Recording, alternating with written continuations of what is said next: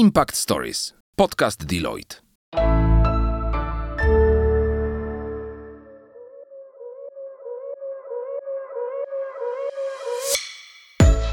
Cześć! Impact Stories powstało z myślą o studentach, którzy szukają inspiracji, chcą się rozwijać i poznawać świat biznesu od kuchni. Znasz zasadę nic o nas bez nas? My też! Dlatego Impact Stories prowadzą studentki i studenci różnych uczelni z całej Polski. To aktywne działaczki i działacze organizacji studenckich, którzy na chwilę chcą się znaleźć po drugiej stronie lustra. Dzięki Impact Stories spotkają się z ekspertkami i ekspertami Deloitte z różnych dziedzin, którzy podzielą się z nimi swoim doświadczeniem i odpowiedzą na najtrudniejsze pytania.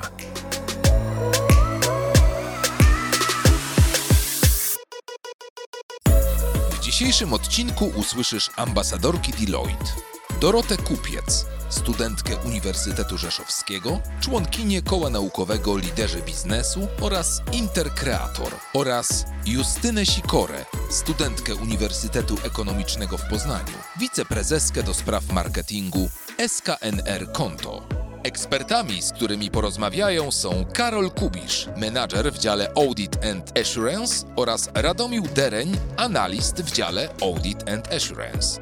W tym odcinku dowiesz się, na czym polega praca w dziale Audit and Assurance oraz jakie wsparcie w rozwoju otrzymują osoby pracujące w tym obszarze. Usłyszysz na temat autorskiego programu szkoleniowego Snowball, a także o tym, jak zostać biegłym rewidentem w Deloitte. Obalimy również najpopularniejsze stereotypy i udowodnimy, że praca w dziale Audit and Assurance jest różnorodna. Posłuchaj Impact Stories. To rozpoczynając naszą dzisiejszą rozmowę, ch- chciałybyśmy Was zapytać, jak postrzegany jest audyt? Ponieważ my, jako studenci, osoby wchodzące na rynek pracy, e, próbujemy się zorientować w temacie, zanim podejmiemy jakąś pracę. E, no i w moim przypadku, ja w audycie pracuję od stycznia. Zanim e, zaczęłam się interesować, w którym departamencie mam pracować, słyszałam bardzo negatywne opinie na temat audytu, że jest to dział, z którego się ucieka, że jest to dział, którego trzeba się bać. Jak to u Was wygląda? Jaka jest perspektywa właśnie na takie opinie i mity, które gdzieś tam są za- zarzucane, zanim studenci i praktykanci rozpoczną pracę? Od 8 lat jeszcze nie uciekłem z audytu, więc ewidentnie da się. E, Natomiast e, no, te mity narosły, mam wrażenie, przez e, trochę poprzednią epokę audytorów, gdzie rzeczywiście brało się bardzo dużo zleceń, trochę bez zważania na to, czy mamy dostępne zasoby, czy nie. I rzeczywiście trzeba było to wszystko wyrobić. W tej chwili dużo rzeczy się zmienia w audycie. Mamy e, bardzo rozsądny e, proces planowania ludzi, godzin, pracy. E, nie możemy, my jako menadżerowie nie możemy zaakceptować nowego klienta bez zapewnienia, że będziemy mieli wystarczające e, osoby i zespół zaangażowany w to badanie. Więc pod tym względem dużo się usprawniło, tak? Mamy szereg narzędzi, które nam pomagają w, e, w tym audycie, więc też dużo prac nam odeszło. E, Shared Service w Rzeszowie, który za nas wykonuje wiele takich manualnych, e, podstawowych zadań. E, I to wszystko jakby powoduje, że ilość tej pracy w audycie się drastycznie zmieniła. Przynajmniej jak ja na to patrzę przez ostatnie 8 lat, z roku na rok jest, jest coraz lepiej. Wiadomo, że bywają okresy, w których tej pracy jest mnóstwo, nie? Nasz e, słynny busy season, który tam gdzieś trwa od stycznia do marca, do kwietnia czasami, e, w zależności od roku, ilości zleceń. No ale biorąc pod uwagę, że to jest tam powiedzmy ten jeden kwartał e, roku, to można też i swoje życie, hobby, pasję e, zaplanować wokół tego. Także ja bym nie demonizował tej pracy w audycie. A przede wszystkim jest to świetna ścieżka, żeby zdobyć bardzo e, duże i obszerne doświadczenie w branży. Właśnie poniekąd odpowiedziałeś na nasze kolejne pytanie o te gorące okresy, bo właśnie zanim się zaczyna praca w audycie, bardzo głośno jest o gorących e, okresach w, e, właśnie w tym departamencie. I jak to u Was wygląda? Czy faktycznie ten natłok pracy jest taki przytłaczający? Czy wtedy ta praca wydaje się być monotonna? Czy są jakieś sposoby na to, żeby to ugryźć w taki sposób, żeby nie zwariować? Przede wszystkim to trzeba zwrócić uwagę na to, że to jest te, tylko te kilka miesięcy i ja bym dodał do tego, że yy, słuchaj, no mamy yy, dyrektorkę u nas w dziale, grup lidera, e, osobę odpowiedzialną nie tylko za audyty, ale też jakby za całą załogę, za e, well-being, za e, work-life balance, modne hasła teraz e, w, w tym okresie. I ona nie dość, że rozwinęła swoją karierę, ma trójkę dzieci, e, swoje pasje, czas na wszystko. Także ewidentnie da się. Trzeba chcieć, trzeba pokombinować. Są okresy, które będą trudniejsze, ale to jest z nawiązką odpłacane też e, mm, doświadczeniem, karierą, wiedzą. E, Więc jak najbardziej wszystko się da pogodzić. Dzięki temu wakacje są przyjemniejsze, jak mamy 8 wolnych piątków, więc Uuu, czyli zawsze można rozumiem, że to zaplanować się w ten jakiś fajny sposób wyjazd. odbijane, tak? Czyli Tak, tak, tak, tak, tak. E, Gdzieś tam od czerwca do, do sierpnia odbieramy wolne piątki, ich jest 8 w e, ciągu roku. I to są wolne piątki, nie tak, że pracujemy do 12, do 14, po prostu w piątki Deloitte nie pracuje, znaczy Deloitte Audit, nie? No bo inne działy nie mają tak dobrze jak u nas. Wracając jeszcze do tych gorących okresów samego tego zagadnienia, to em, te osoby, które już są dłużej na stażu, można tak to nazwać, taki dłuższy okres pracy, no to y, one już są wdrążone w ten cały audyt i nie mają z tym żadnych problemów. A jak to wygląda właśnie na samym początku dla tych internów, dla tych wszystkich, co zaczynają jeszcze tą pracę, y, czy właśnie jest jakaś tak pomoc na samym początku, czy w tych gorących okresach y, też dostają właśnie jakieś takie większe zlecenia, czy to są jeszcze takie podstawy? proces rekrutacji zaczyna się w ten sposób, aby nowi pracownicy mogli mieć kilka miesięcy wdrożenia, zazwyczaj na projektach interimowych, dzięki czemu już poznają klienta, poznają specyfikę pracy i właśnie w biznes sezonie już po prostu wchodzą na projekt i wiedzą, co mają robić, jak działać. E, dla praktykantów również jest przewidziany program, w którym mają około tygodniowe szkolenia i pokazywane są najważniejsze funkcje właśnie w Excelu, jakie będą wykorzystywać, najważniejsze etapy badania sprawozdań, w których będą uczestniczyć i ogólnie zrozumienie całego procesu e, badania. Na stanowiskach już bardziej zaawansowanych, jak na przykład analityk, wtedy mamy już miesięczne szkolenie w programie Snowball, podczas którego bardzo dokładnie przechodzimy każdy etap badania, każdy etap e, naszej działalności już na projekcie, dzięki czemu też mamy już doświadczenie i możemy przyjść, popracować na e, projektach interimowych, a w sezonie już e, działać bardzo sprawnie. Czyli rozumiem, że takie szkolenie ty też również przeszedłeś, tak? Czy jesteś w stanie powiedzieć, że to szkolenie cię przygotowało do takiej pracy, że po prostu czujesz się pewniej w tym, co robisz w tym momencie?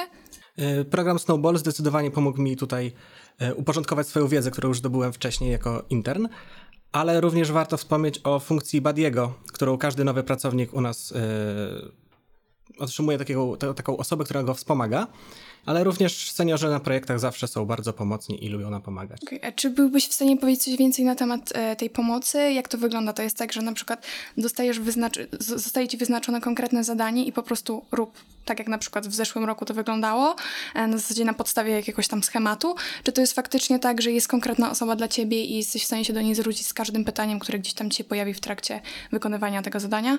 Oczywiście najłatwiej jest y, zapytać o pomoc osób na tym projekcie albo bardziej doświadczonych, na przykład seniorów, którzy już przechodzili przez ten projekt w, w zeszłym roku i zawsze mogą nam pomóc, jakie procedury powinniśmy wykonać. Jeśli chodzi właśnie o też y, przeprowadzanie tych testów. Zawsze mamy opisane procedury, które należy wykonać, więc można postępować zgodnie z instrukcjami. Możemy się również posiłkować testami z ubiegłego roku, dzięki czemu mamy mniej więcej wyobrażenie, co powinno być w tym roku również wykonane, ale też zawsze możemy zapytać. co się robi w tym audycie, bo ponieważ ja szukając informacji na temat tego departamentu, zanim zaczęłam pracę, w sumie jak słyszałam audyt, to, to równało się to dla mnie sprawozdanie finansowe i w sumie tyle. Czy moglibyście przybliżyć jakby nad czym pracujecie, co jest związane z tym audytem, czy to faktycznie jest tylko i wyłącznie badanie tego sprawozdania, czy, czy faktycznie coś więcej? Znaczy to jest badanie sprawozdania, bo do tego się to sprowadza, tak. że my musimy wystawić opinię na temat sprawozdania finansowego spółki XYZ.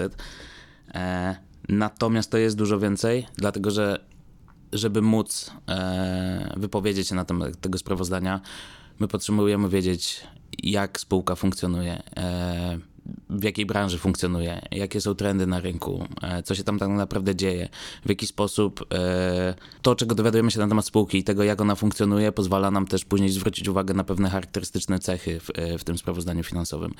To jest obszerna analiza danych, to jest praca z liczbami, ale też przede wszystkim z ludźmi. Kwestia kontroli wewnętrznych. Mamy dostęp przede wszystkim do głównych księgowych, do członków zarządu, dyrektorów finansowych, dyrektorów funduszy odpowiadających za całe duże grupy na arenie często światowej.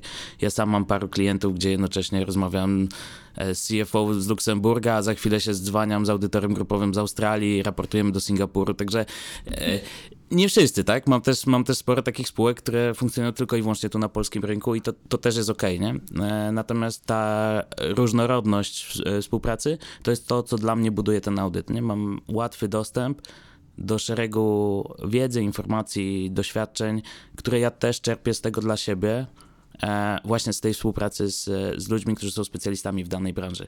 My jako audytorzy nie musimy być specjalistą w danej dziedzinie czy w danej branży, my po prostu musimy mieć na tyle otwartą głowę i umieć zadawać konkretne pytania, żeby, żeby dojść e, do wniosku, czy to sprawozdanie jest ok, czy nie ok.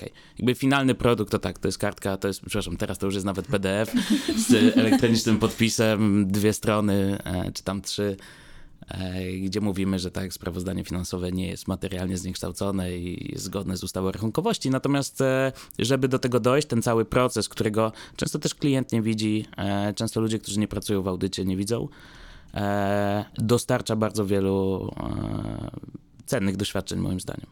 Chodzą takie mity, że praca w audycie wiąże się wyłącznie z Excelem, ewentualnie mhm. opisywanie procedur w Wordzie.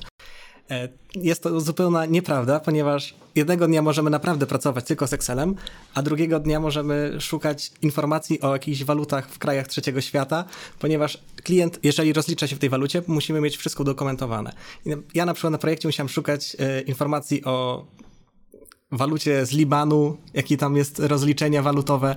Także wszystko zależy od projektu, na którym jesteśmy i zakres naszych obowiązków i zakres e, naszej działalności odnosi się zawsze indywidualnie, także każdy projekt jest inny. Oczywiście są pewne procedury, jak na przykład testy kosztów lub e, opis biznes procesów, ale zawsze mogą być jakieś takie pewne kwiatki, które są unikalne na skalę naprawdę naszej pracy. Z tego co słyszę, właśnie trzeba mieć takie e, umiejętności czysto takie techniczne, ale tak samo to jest praca z ludźmi i praca w grupie i trzeba mieć tak samo odpowiednie kompetencje miękkie. Czy na przykład praca w grupie wymaga na przykład bycie takim typowym ekstrawertykiem, czy taki introwertyk też może się gdzieś tam znaleźć w takiej grupie i się dobrze w niej czuć?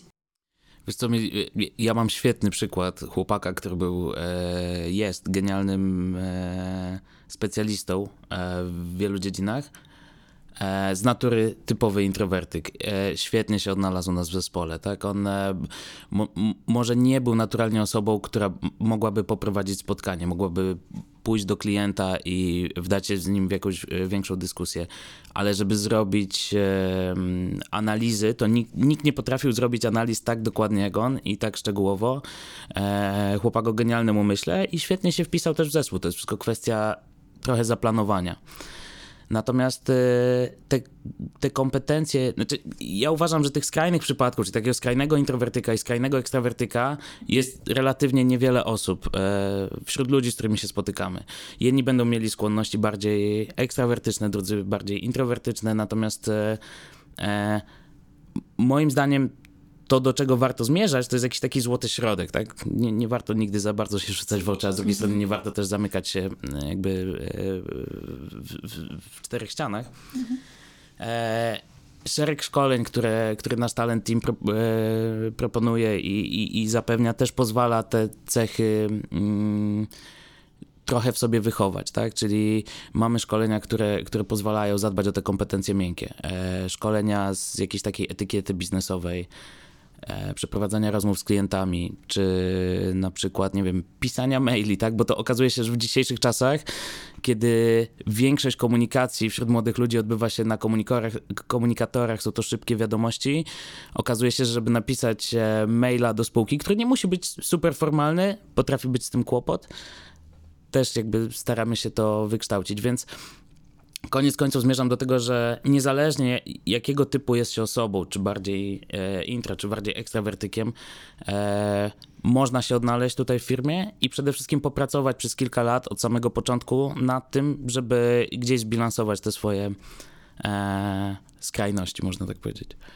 A jeśli chciałybyśmy dopytać o taki profil idealnego kandydata, e, co ten kandydat powinien posiadać? Może zacznijmy od tego, jakie studia powinien posiadać. Czy są konkretne kierunki i specjalizacje, które faktycznie są potrzebne, żeby tą pracę w audycie zacząć, czy jest to bardziej płynne? Co ja mogę powiedzieć ze swojego doświadczenia, jak chodzę na rozmowy rekrutacyjne i e, szczególnie gdzieś tam w tym gorącym okresie rekrutacji dla nas, e, który się dzieje właśnie mniej więcej w drugim kwartale e, każdego roku, mamy mnóstwo kandydatów. Ja nie selekcjonuję CV-ek na podstawie uczelni czy kierunku, e, który został zakończony, dlatego że moim zdaniem jesteśmy w stanie wszystkiego nauczyć w, w pracy. Ja osobiście studiowałem matematykę, nic związanego z e, finansami i rachunkowością i nie uważam, żeby pewnie na początku było mi troszeczkę trudniej e, versus osoby po finansach i rachunkowości, tak, ale e, nie uważam, że to było coś, co warunkowałoby przyjście do audytu. Więc to, na co ja zwracam uwagę zazwyczaj, to jest mm, zaangażowanie, chęć do nauki, otwarty umysł, E, umiejętność e, analitycznego myślenia i w zasadzie tyle, tak? Prawdą jest też, że nie wiem, finanse, rachunkowość, ekonomia, czyli przedmioty, które są stricte związane z tym, czym my się zajmujemy, e, będą generować kandydatów dla nas, którzy mają jakąś tam bazę wiedzy na start, więc e, naturalnie, gdybyśmy mieli dwóch identycznych kandydatów, jeden był po dziennikarstwie, a drugi po finansach i rachunkowości, no to pewnie wybór padłby na finanse i rachunkowość ale prawda jest taka, że dwóch identycznych kandydatów nigdy nie ma, więc też te cechy osobowościowe e, mają tutaj dużo do wniesienia. Czyli jak to wygląda u Was z tym stażem? E, jak wygląda ta droga pięcia się na szczyt? E, jak wyglądają stanowiska juniorskie? Czy to jest tak, że będąc na niższym stanowisku jesteśmy odsuwani od tych ważniejszych projektów, tych takich powiedzmy fajniejszych projektów? Czy, czy mimo wszystko gdzieś tam, mimo tego niższego stażu jesteśmy dopuszczani do tych, tych ważniejszych projektów? Z mojej perspektywy Oczywiście nie. Zawsze są potrzebni e, praktykanci, jak również analitycy na projekcie. I to wszystko zależy od tego naszego szczęścia, kiedy jesteśmy dostępni i kiedy jakiś termin, e, jest jakiś termin badania. E, naprawdę są fajne projekty i są to spółki giełdowe i można od pierwszego dnia zacząć od razu już pracę na naprawdę bardzo dużym kliencie. Jak również można czekać na taki większy projekt, na przykład rok lub dwa.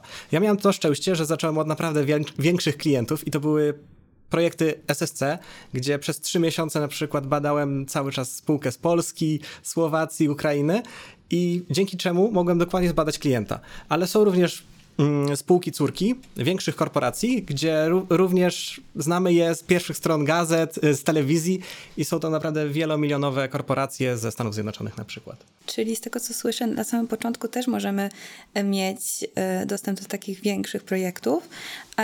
Ja myślałam, tak takie przekonanie miałam, że to trzeba mieć jakieś potwierdzenie certyfikatami, a w ogóle czy takie certyfikaty są dostępne dla audytorów?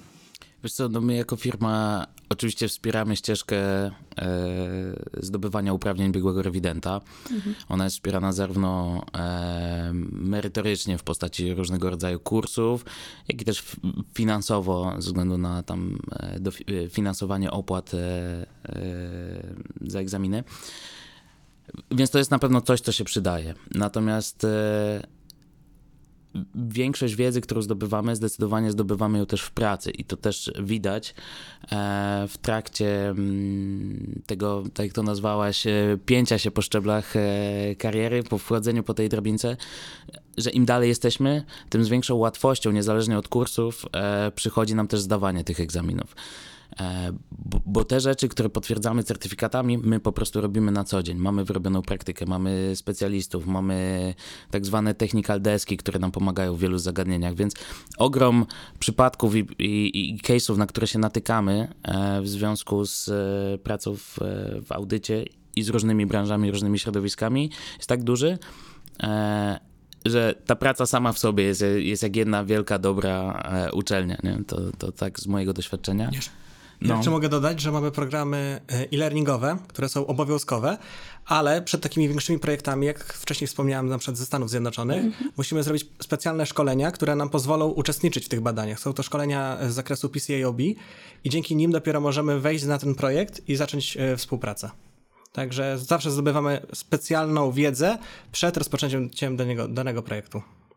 A Radek, jakbyś mógł nam jeszcze przybliżyć, bo rozumiem, że twój staż jest troszeczkę e, mniejszy niż e, naszego współrozmówcy. E, czy mógłbyś powiedzieć o właśnie tych szczeblach trochę więcej? Czy ty ze stanowiska juniorskiego, mniejszego stażem, czujesz taką możliwość pięcia się w górę po tych szczeblach właśnie? Czy widzisz realną szansę na to, żeby powiedzmy za x lat być na tym stanowisku, powiedzmy takim jak Karol? Oczywiście, zawsze to widać z perspektywy zakresu obowiązków, jaki mam do wykonania. Na tym najłatwiej właśnie zobaczyć, że zawsze się rozwijamy w tej pracy i rozpoczynamy oczywiście jako praktykant od prostszych testów, na przykład testów detalicznych na kosztach, po czym już na analityku rozpoczynamy współpracę z klientem, rozmowy na temat biznes procesów, na temat kontroli. Przechodząc do bardziej rozbudowanych e, no, tematycznie e, dziedzin tego sprawozdania finansowego i u nas w pracy jest bardzo określona ścieżka rozwoju. Praktycznie co roku do stanowiska około menadżera możemy liczyć na awans i rozpoczynamy jako praktykant, tak jest zazwyczaj najłatwiej. Następnie jesteśmy analitykiem, senior analitykiem. I są to dwa stanowiska bardzo zbliżone do siebie. Jednakże senior analityk ma już takie pewne doświadczenie mm, w pracy audytowej. Jako konsultant, czyli następne stanowisko, już wtedy bierzemy odpowiedzialność za nasz zespół. Już wtedy od, odpowiadamy za analityków, za e, internów. I dopiero wtedy myślę, że zaczyna się prawdziwa taka współpraca audytowa, gdzie już nabieramy doświadczenia jako, jako team leader, jako praca w grupie. Ponieważ wcześniej jesteśmy członkiem zespołu i dopiero przygotowujemy się do tej roli. Czyli rozumiem, że praca w audycie to nie jest tylko i wyłącznie praca za biurkiem, jest to też praca terenowa. Czy moglibyście coś przybliżyć, jak to dokładnie wygląda? Bardzo często jeździmy również na inwentaryzację. Jest to typowa praca w terenie, gdzie rozmawiamy z pracownikami spółki, na przykład jakichś magazynów lub sklepów i ręcznie przeliczamy zazwyczaj y, wszystkie produkty znajdujące się w tym sklepie i dopiero wtedy możemy poznać tą firmę od środka. Możemy porozmawiać z pracownikami, a nie z głównymi księgowymi, którzy opowiadają nam o ogóle całej spółki. Tylko możemy indywidualny sklep, indywidualny magazyn przejść, obejrzeć. Wtedy dowiadujemy się również najlepsze historie, jak dany produkt jest y, produkowany. Ostatnio byłem na inwentaryzacji, gdzie dowiedziałem się, że badamy spółkę, której stoły są sprzedawane na całym świecie za około 30-40 tysięcy złotych. Także jest to stół wartości samochodu i nawet nie spodziewałem się, że takie stoły są sprzedawane i produkowane w Polsce. Także zawsze jeździmy do ter w teren na inwentaryzację i tam możemy zdobyć naj najlepsze informacje, tak mi się wydaje. Ale nie tylko, bo e, inwentaryzacje owszem zdarzają się zwłaszcza bliżej końca roku, e, kiedy te, ta produkcja jest e, przeliczana, ale też często jeździmy do klientów często, nieczęsto, teraz czas, ostatnie parę lat covidowych jakby trochę zrewolucjonizowało ten audyt, bo mm, technologie były od dłuższego czasu dla nas dostępne. Z jakiegoś powodu za tak zwanych dawnych przedcovidowych czasów my jeździliśmy do klientów non-stop, pracowaliśmy od nich w sal, salek Często wyglądało to tak, że my siedzieliśmy na jednym piętrze, klient na drugim i tak mailowo wysyłaliśmy do siebie zapytania, siedząc u nich w biurze, więc to trochę nie miało sensu. Yy, COVID, jakby przy całym negatywnym skutku, który miał e, na wiele e, gałęzi gospodarki, tak dla nas osobiście pokazał, że możemy pracować zdalnie, zmotywował klientów do, nie wiem, e, wprowadzenia elektronicznych obiegów dokumentów, E, w związku z czym ta praca zdalna z, z, zaczyna być możliwa, zaczyna być efektywna. Więc też te wyjazdy stają się coraz rzadsze. My się na przykład w tej chwili skupiamy na tym, że jak jedziemy do klienta, to już jedźmy z, e, z konkretami, tak? Żeby właśnie przedyskutować procesy biznesowe, kontrole wewnętrzne, żeby wyjaśnić jakieś kwestie, które są niepokojące. Niekoniecznie jedziemy po to, żeby jechać i, tak, jak to się dawniej mówiło, twarzować. Nie? nie wszystko musi być wykonane e, od klienta. Także jest fajny miks, moim zdaniem, tego, co robimy z biura, co robimy z domu, e, co robimy od klienta. Mhm, czyli tak y, na studentów na początku swojej drogi, tak, y, takich na stażu, y, to tak samo istnieje możliwość pracy hybrydowej, tak? E, e, tak. W pełni zdalnej e, różnie bywa. Każdy przypadek jest też trochę indywidualny. Natomiast w tej chwili wprowadziliśmy Deloitte Flex, czyli program, który umożliwia tę pracę zdalną. Wymagana jest jednak pewna dyspozycyjność i obecność w biurze. Bo tak jak wspominałem wcześniej, no jesteśmy zespołem, tak? Ta praca w zespole, kiedy siedzimy w jednej salce albo przy wspólnych biurkach, jest po prostu efektywniejsza i też proces nauki, zwłaszcza wdrażania, jest, jest efektywniejszy. I szczerze mówiąc, zachęcam wszystkich, którzy będą rozpoczynali pracę z nami od września czy od października, e, żeby starali się przyjeżdżać do tego biura, bo to jest. E, w ten sposób uczymy się po prostu szybciej, łatwiej e, i, i dla obu stron to jest efektywniejsze. Natomiast zdecydowanie część rzeczy robimy zdalnie. To nie jest taka, widzę, praca taka stricte y, jednorodna. Tak, że nie jest monotonna, o to chodzi, Tak. że to nie jest tak, że cały czas badamy jedną spółkę i już tam wyliczamy, ile to tych stołów oni tam wyrobili, tylko jednak e, są, są elementy, których, nowych informacji, które gdzieś tam uzyskujemy przy każdej spółce. Wiesz co, no dbamy o to, żeby pewna kontynuacja na, na projekcie występowała, bo to jest efektywne i pozwala nam lepiej zrobić audyt. Jeżeli e, dana osoba była, powiedzmy, zaangażowana w zeszłym roku w to badanie i w kolejnym roku w jej harmonogramie jest miejsce, żeby w tym samym okresie pójść na to badanie, no to pewnie każdy menadżer będzie dążył do tego, żeby tę kontynuację utrzymać. Natomiast tych projektów jest tak wiele, że to nie jest tak, że się wyspecjalizujemy w meblach i będziemy liczyć meble, czy y, y, wiesz, badać produkcję stołów czy krzeseł. E, Jest to bardzo różnorodne. Ja też mogę dodać, że to wszystko zależy od projektów, na jakie jesteśmy przypisani. Są projekty tygodniowe lub dwutygodniowe, gdzie często zmieniamy właśnie klientów i możemy rotować pomiędzy różnymi spółkami, ale tak jak w moim przypadku, można wejść na projekt, gdzie badamy jednego klienta, ale spółki obsługujące różne y, spółki z, z różnych państw. Dzięki czemu to było dla mnie zaletą. Mogłem siedzieć dłużej na jednym kliencie, poznać go, ale też to było dla mnie bardzo elastyczne, ponieważ nie było takiej presji czasu, aby skończyć, wyrobić się w tydzień i dzięki czemu mogłem skoczyć na przykład na studia albo e, zrobić sobie coś e, później. Także to też zależy od mm, tego, na jaki projekt jesteśmy przypisani i można znaleźć pozytywy w jednym, jak i w drugim. Mm, Czyli słyszymy, że to są takie tak samo krótkie e, projekty, ale jakie są takie najdłuższe projekty? Ile one najdłużej trwały? Mieliśmy klienta, którego badaliśmy i dwa miesiące w e, tak zwanym sezonie, tak? czyli gdzieś tam od lutego do, e, czy tam od połowy stycznia do, e, do marca, plus mieliśmy badania wstępne po kilka tygodni, także to potrafią być duże projekty. Ja osobiście kiedyś byłem zaangażowany w badanie dość dużego shared serwisu, który obsługiwał, mm, nie wiem, tam chyba 15 czy 16 e, krajów. I to badanie trwało cały rok. Nie? To nie znaczy, że ja byłem zaangażowany cały rok w to badanie, bo też żeśmy trochę rotowali, byliśmy odpowiedzialni za różne kraje albo za różne e, badania. Wtedy jeszcze nie byłem menadżerem, natomiast menadżer był zaangażowany przez to cały rok. Takich projektów jest relatywnie e, niedużo jeszcze u nas e, w kraju. Ale na przykład miałem okazję rozmawiać z e, senior menadżerką z audytu z Deloitte'a w Stanach, która mówiła, że ona bada takiego klienta, którego bada przez cały rok i nawet ma tam już swoje biurko i telefon e, u klienta na miejscu i po prostu nie przychodzi do biura, tylko chodzi tam, no bo, no bo cały czas badają. A jak u Was wygląda ten taki work-life balance? E, jak to u Was wygląda? Bo e, mity wśród studentów i przyszłych osób wchodzących właśnie na rynek pracy, to mniej więcej wygląda tak, że w audycie to powinno się mieć w sumie 5 lat studiów, 20 lat doświadczenia i w sumie to e, nie powinno się mieć życia poza pracą, a studia to już, to już nie ma mowy. Jak to u Was wygląda? Jest to, kompletny mit. Na praktykanta można zacząć pracę bez żadnego doświadczenia i z mojego doświadczenia mogę powiedzieć, że idzie to łączyć z studiami, nawet dziennymi. E, Jak również y, to można łączyć ze studiami magisterskimi, jak i li- licencjatem, ponieważ zaczynałem jako trzeci licencjat. E, I wszystko idzie połączyć. Oczywiście w sezonie jest znacznie więcej pracy, z tego względu jest też mniej czasu na ten work-life balance, ale poza sezonem już naprawdę to nie jest jakaś męczarnia łączyć to ze studiami dziennymi, z pracą. I również, y, jak- wcześniej wspomnieliśmy o tych ośmiu piątkach, to też da, dużo daje, że mamy większy y, czas na zaplanowanie jakiegoś wyjazdu, żeby odpocząć również od tej pracy, ale taki normalny daily routine poza sezonem myślę, że możecie w miarę przyjemnie. Ja tylko mogę i wyłącznie się pod tym podpisać, bo e, sam niedawno wróciłem na studia jako student. E, robię dodatkowy kierunek ze względu na, em, ze względu też na pracę.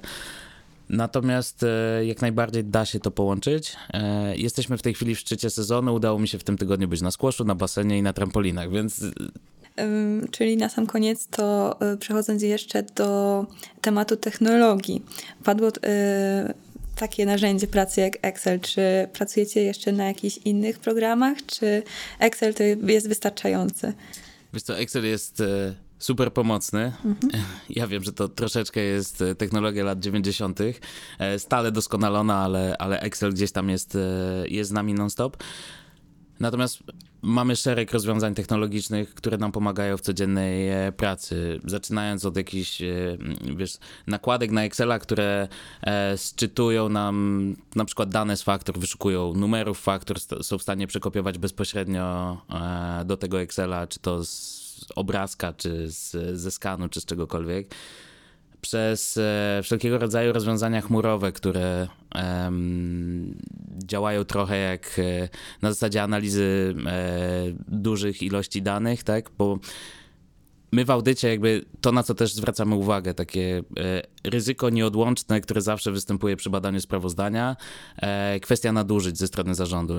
Nikt nie ma takiej władzy w spółce jak zarząd, żeby wprowadzić do ksiąg coś, co nie powinno być wprowadzone, czy wy, wręcz wyprowadzić jakieś środki. I teraz my, przeglądając zapisy księgowe, musimy się skupić na wyszukiwaniu potencjalnie ryzykownych e, zapisów. Jeżeli mamy spółkę, która ma, nie wiem, półtora miliona, dwa miliony rekordów w ciągu roku, e, nie jesteśmy w stanie tego zrobić ani w Excelu, ani sami. Używamy do tego właśnie technologii, która potrafi to sprofilować, potrafi wypluć dla nas wyniki, przeprowadzić jakieś wstępne analizy, e, robić wszelkiego rodzaju statystyczne e, testy prezentować to w Power BI-u, e, w różnego rodzaju nowoczesnych narzędziach, dzięki którym my jesteśmy później lepiej e, w stanie zidentyfikować potencjalnie ryzykowne zapisy i o nie dopytać spółkę.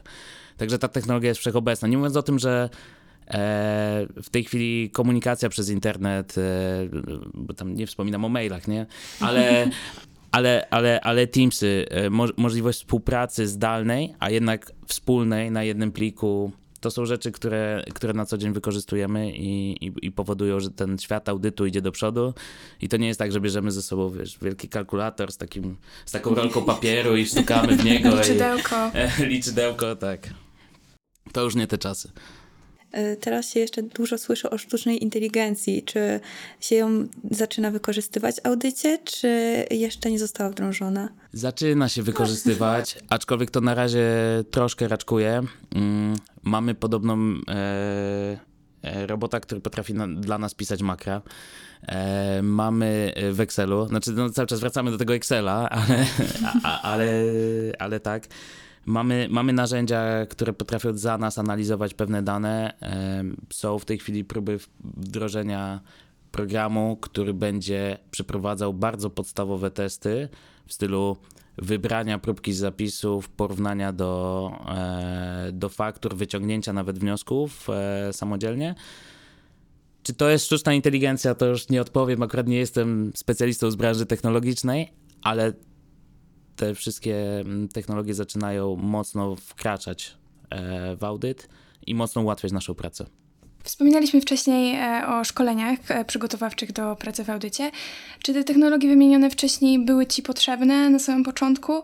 Czy Excel i jego podstawy to było wystarczające właśnie, żeby zacząć pracę w audycie? Czy jednak wymagane było coś więcej? Najpierw trzeba wspo- wspomnieć o tym, że rozpoczynając pracę w audycie, spotykamy wiele narzędzi wewnętrznych spółki. Także na szkoleniach mieliśmy oczywiście e, zajęcia z Excela, zajęcia z najpotrzebniejszych funkcji, jak to można szybko wykorzystać e, w trakcie badania, ale również mieliśmy wyjaśnienie, jak działają wewnętrzne narzędzia spółki, takich, których my obsługujemy na co dzień, jak na przykład e, IMS, czyli program, w którym mamy zachowaną całą dokumentację i są wszystkie nasze pliki aktualizowane na serwer. Najpierw to trzeba było wszystko zrozumieć i żeby wiedzieć, jak to wykorzystać w pracy. Także wszystko to było wyjaśnione na naszym programie mm, Snowball, ale również dla praktykantów. Z tym, że dla praktykantów zajęcia trwały wyłącznie tydzień i był to stosunkowo krótki okres, w którym mogliśmy się nauczyć tego wszystkiego e, w praktyce. E, ważniejsze narzędzia, takie jak na przykład Revil czy bardziej zaawansowany Spotlight, to już były etapy szkoleń e, dodatkowych, na przykład e, w trakcie mm, badań interimowych, ale również na przykład na Snowballu mieliśmy wyjaśnienie podstawowych procedur, kiedy to możemy wykorzystać, w jaki sposób należy tego używać e, w trakcie naszego badania. Mm, Także myślę, że nasze szkolenia pokryły naszą wiedzę, ale dopiero doświadczenie praktyczne pozwoliło nam się zapoznać w pełni z tymi y, narzędziami, ponieważ jest ich ogrom. I nawet ja pracując prawie półtora roku, ponad półtora roku, nie miałem możliwości wykorzystać przynajmniej połowy. Nie wiem, może Karol, ty logując się do Kogni, znasz wszystkie narzędzia, ale no, dla mnie to jest magia. Nie ma osoby, która znałaby wszystkie narzędzia, bo to są e, często bardzo specyficzne narzędzia. Ja może jeszcze słowo e, takiego wyjaśnienia. Juniorzy, którzy do nas dołączają, e, mają owszem tylko tygodniowe e, szkolenia. Natomiast jest to tak skrojone na miarę, że te tygodniowe szkolenia e, wystarczają. Sam osobiście prowadziłem szkolenie akurat z Excela, ale też i z wewnętrznych e, narzędzi i widzę w e, praktyce, że to później przekłada się na realną wiedzę, która, która w praktyce jest wykorzystywana. Także dla asystentów pierwszorocznych Snowball trwa miesiąc, natomiast to nie jest tak, że my uczymy się tylko i wyłącznie konkretnych zagadnień audytowych przez ten miesiąc, czy technologicznych. E, tam jest fokus na e, egzaminy e, na biegłego rewidenta, wszelakie szkolenia z różnych systemów audytowania, czy to międzynarodowych, czy polskich, czy amerykańskich PCOB, w zależności gdzie kto trafia. Plus jest przewidziany czas też na tak zwaną praktykę później na, na projektach. Więc zmierzam do tego, że Wszystkich narzędzi nie da się nauczyć, natomiast ten pakiet szkoleń, który się dostaje na samym początku, czy to przychodząc pierwszy raz bez doświadczenia, czy przychodząc już jako asystent, e, jest moim zdaniem wystarczający i, i taki w pełni pokrywający to, co na co dzień będzie się e, wykorzystywać. Rozumiem, że w dzisiejszej rozmowie obaliliśmy wszystkie mity panujące na rynku pracy i wśród studentów. E, dziękujemy Wam bardzo, że poświęciliście nam czas i, i za wspólną rozmowę. Dzięki serdeczne. Dzięki wielkie. Dziękujemy za Twoją uwagę. Już dziś zapraszamy Cię na kolejny odcinek naszego podcastu. Impact Stories znajdziesz na wszystkich platformach streamingowych i w serwisie YouTube. Zasubskrybuj podcast Deloitte, aby być z nami na bieżąco. A jeśli chcesz dowiedzieć się więcej na temat pracy w dziale Audit and Assurance, odwiedź naszą stronę kariera.deloitte.pl. Zobacz nasze oferty i aplikuj do 30 kwietnia. Do usłyszenia w kolejnym odcinku. Impact Stories. Podcast Deloitte.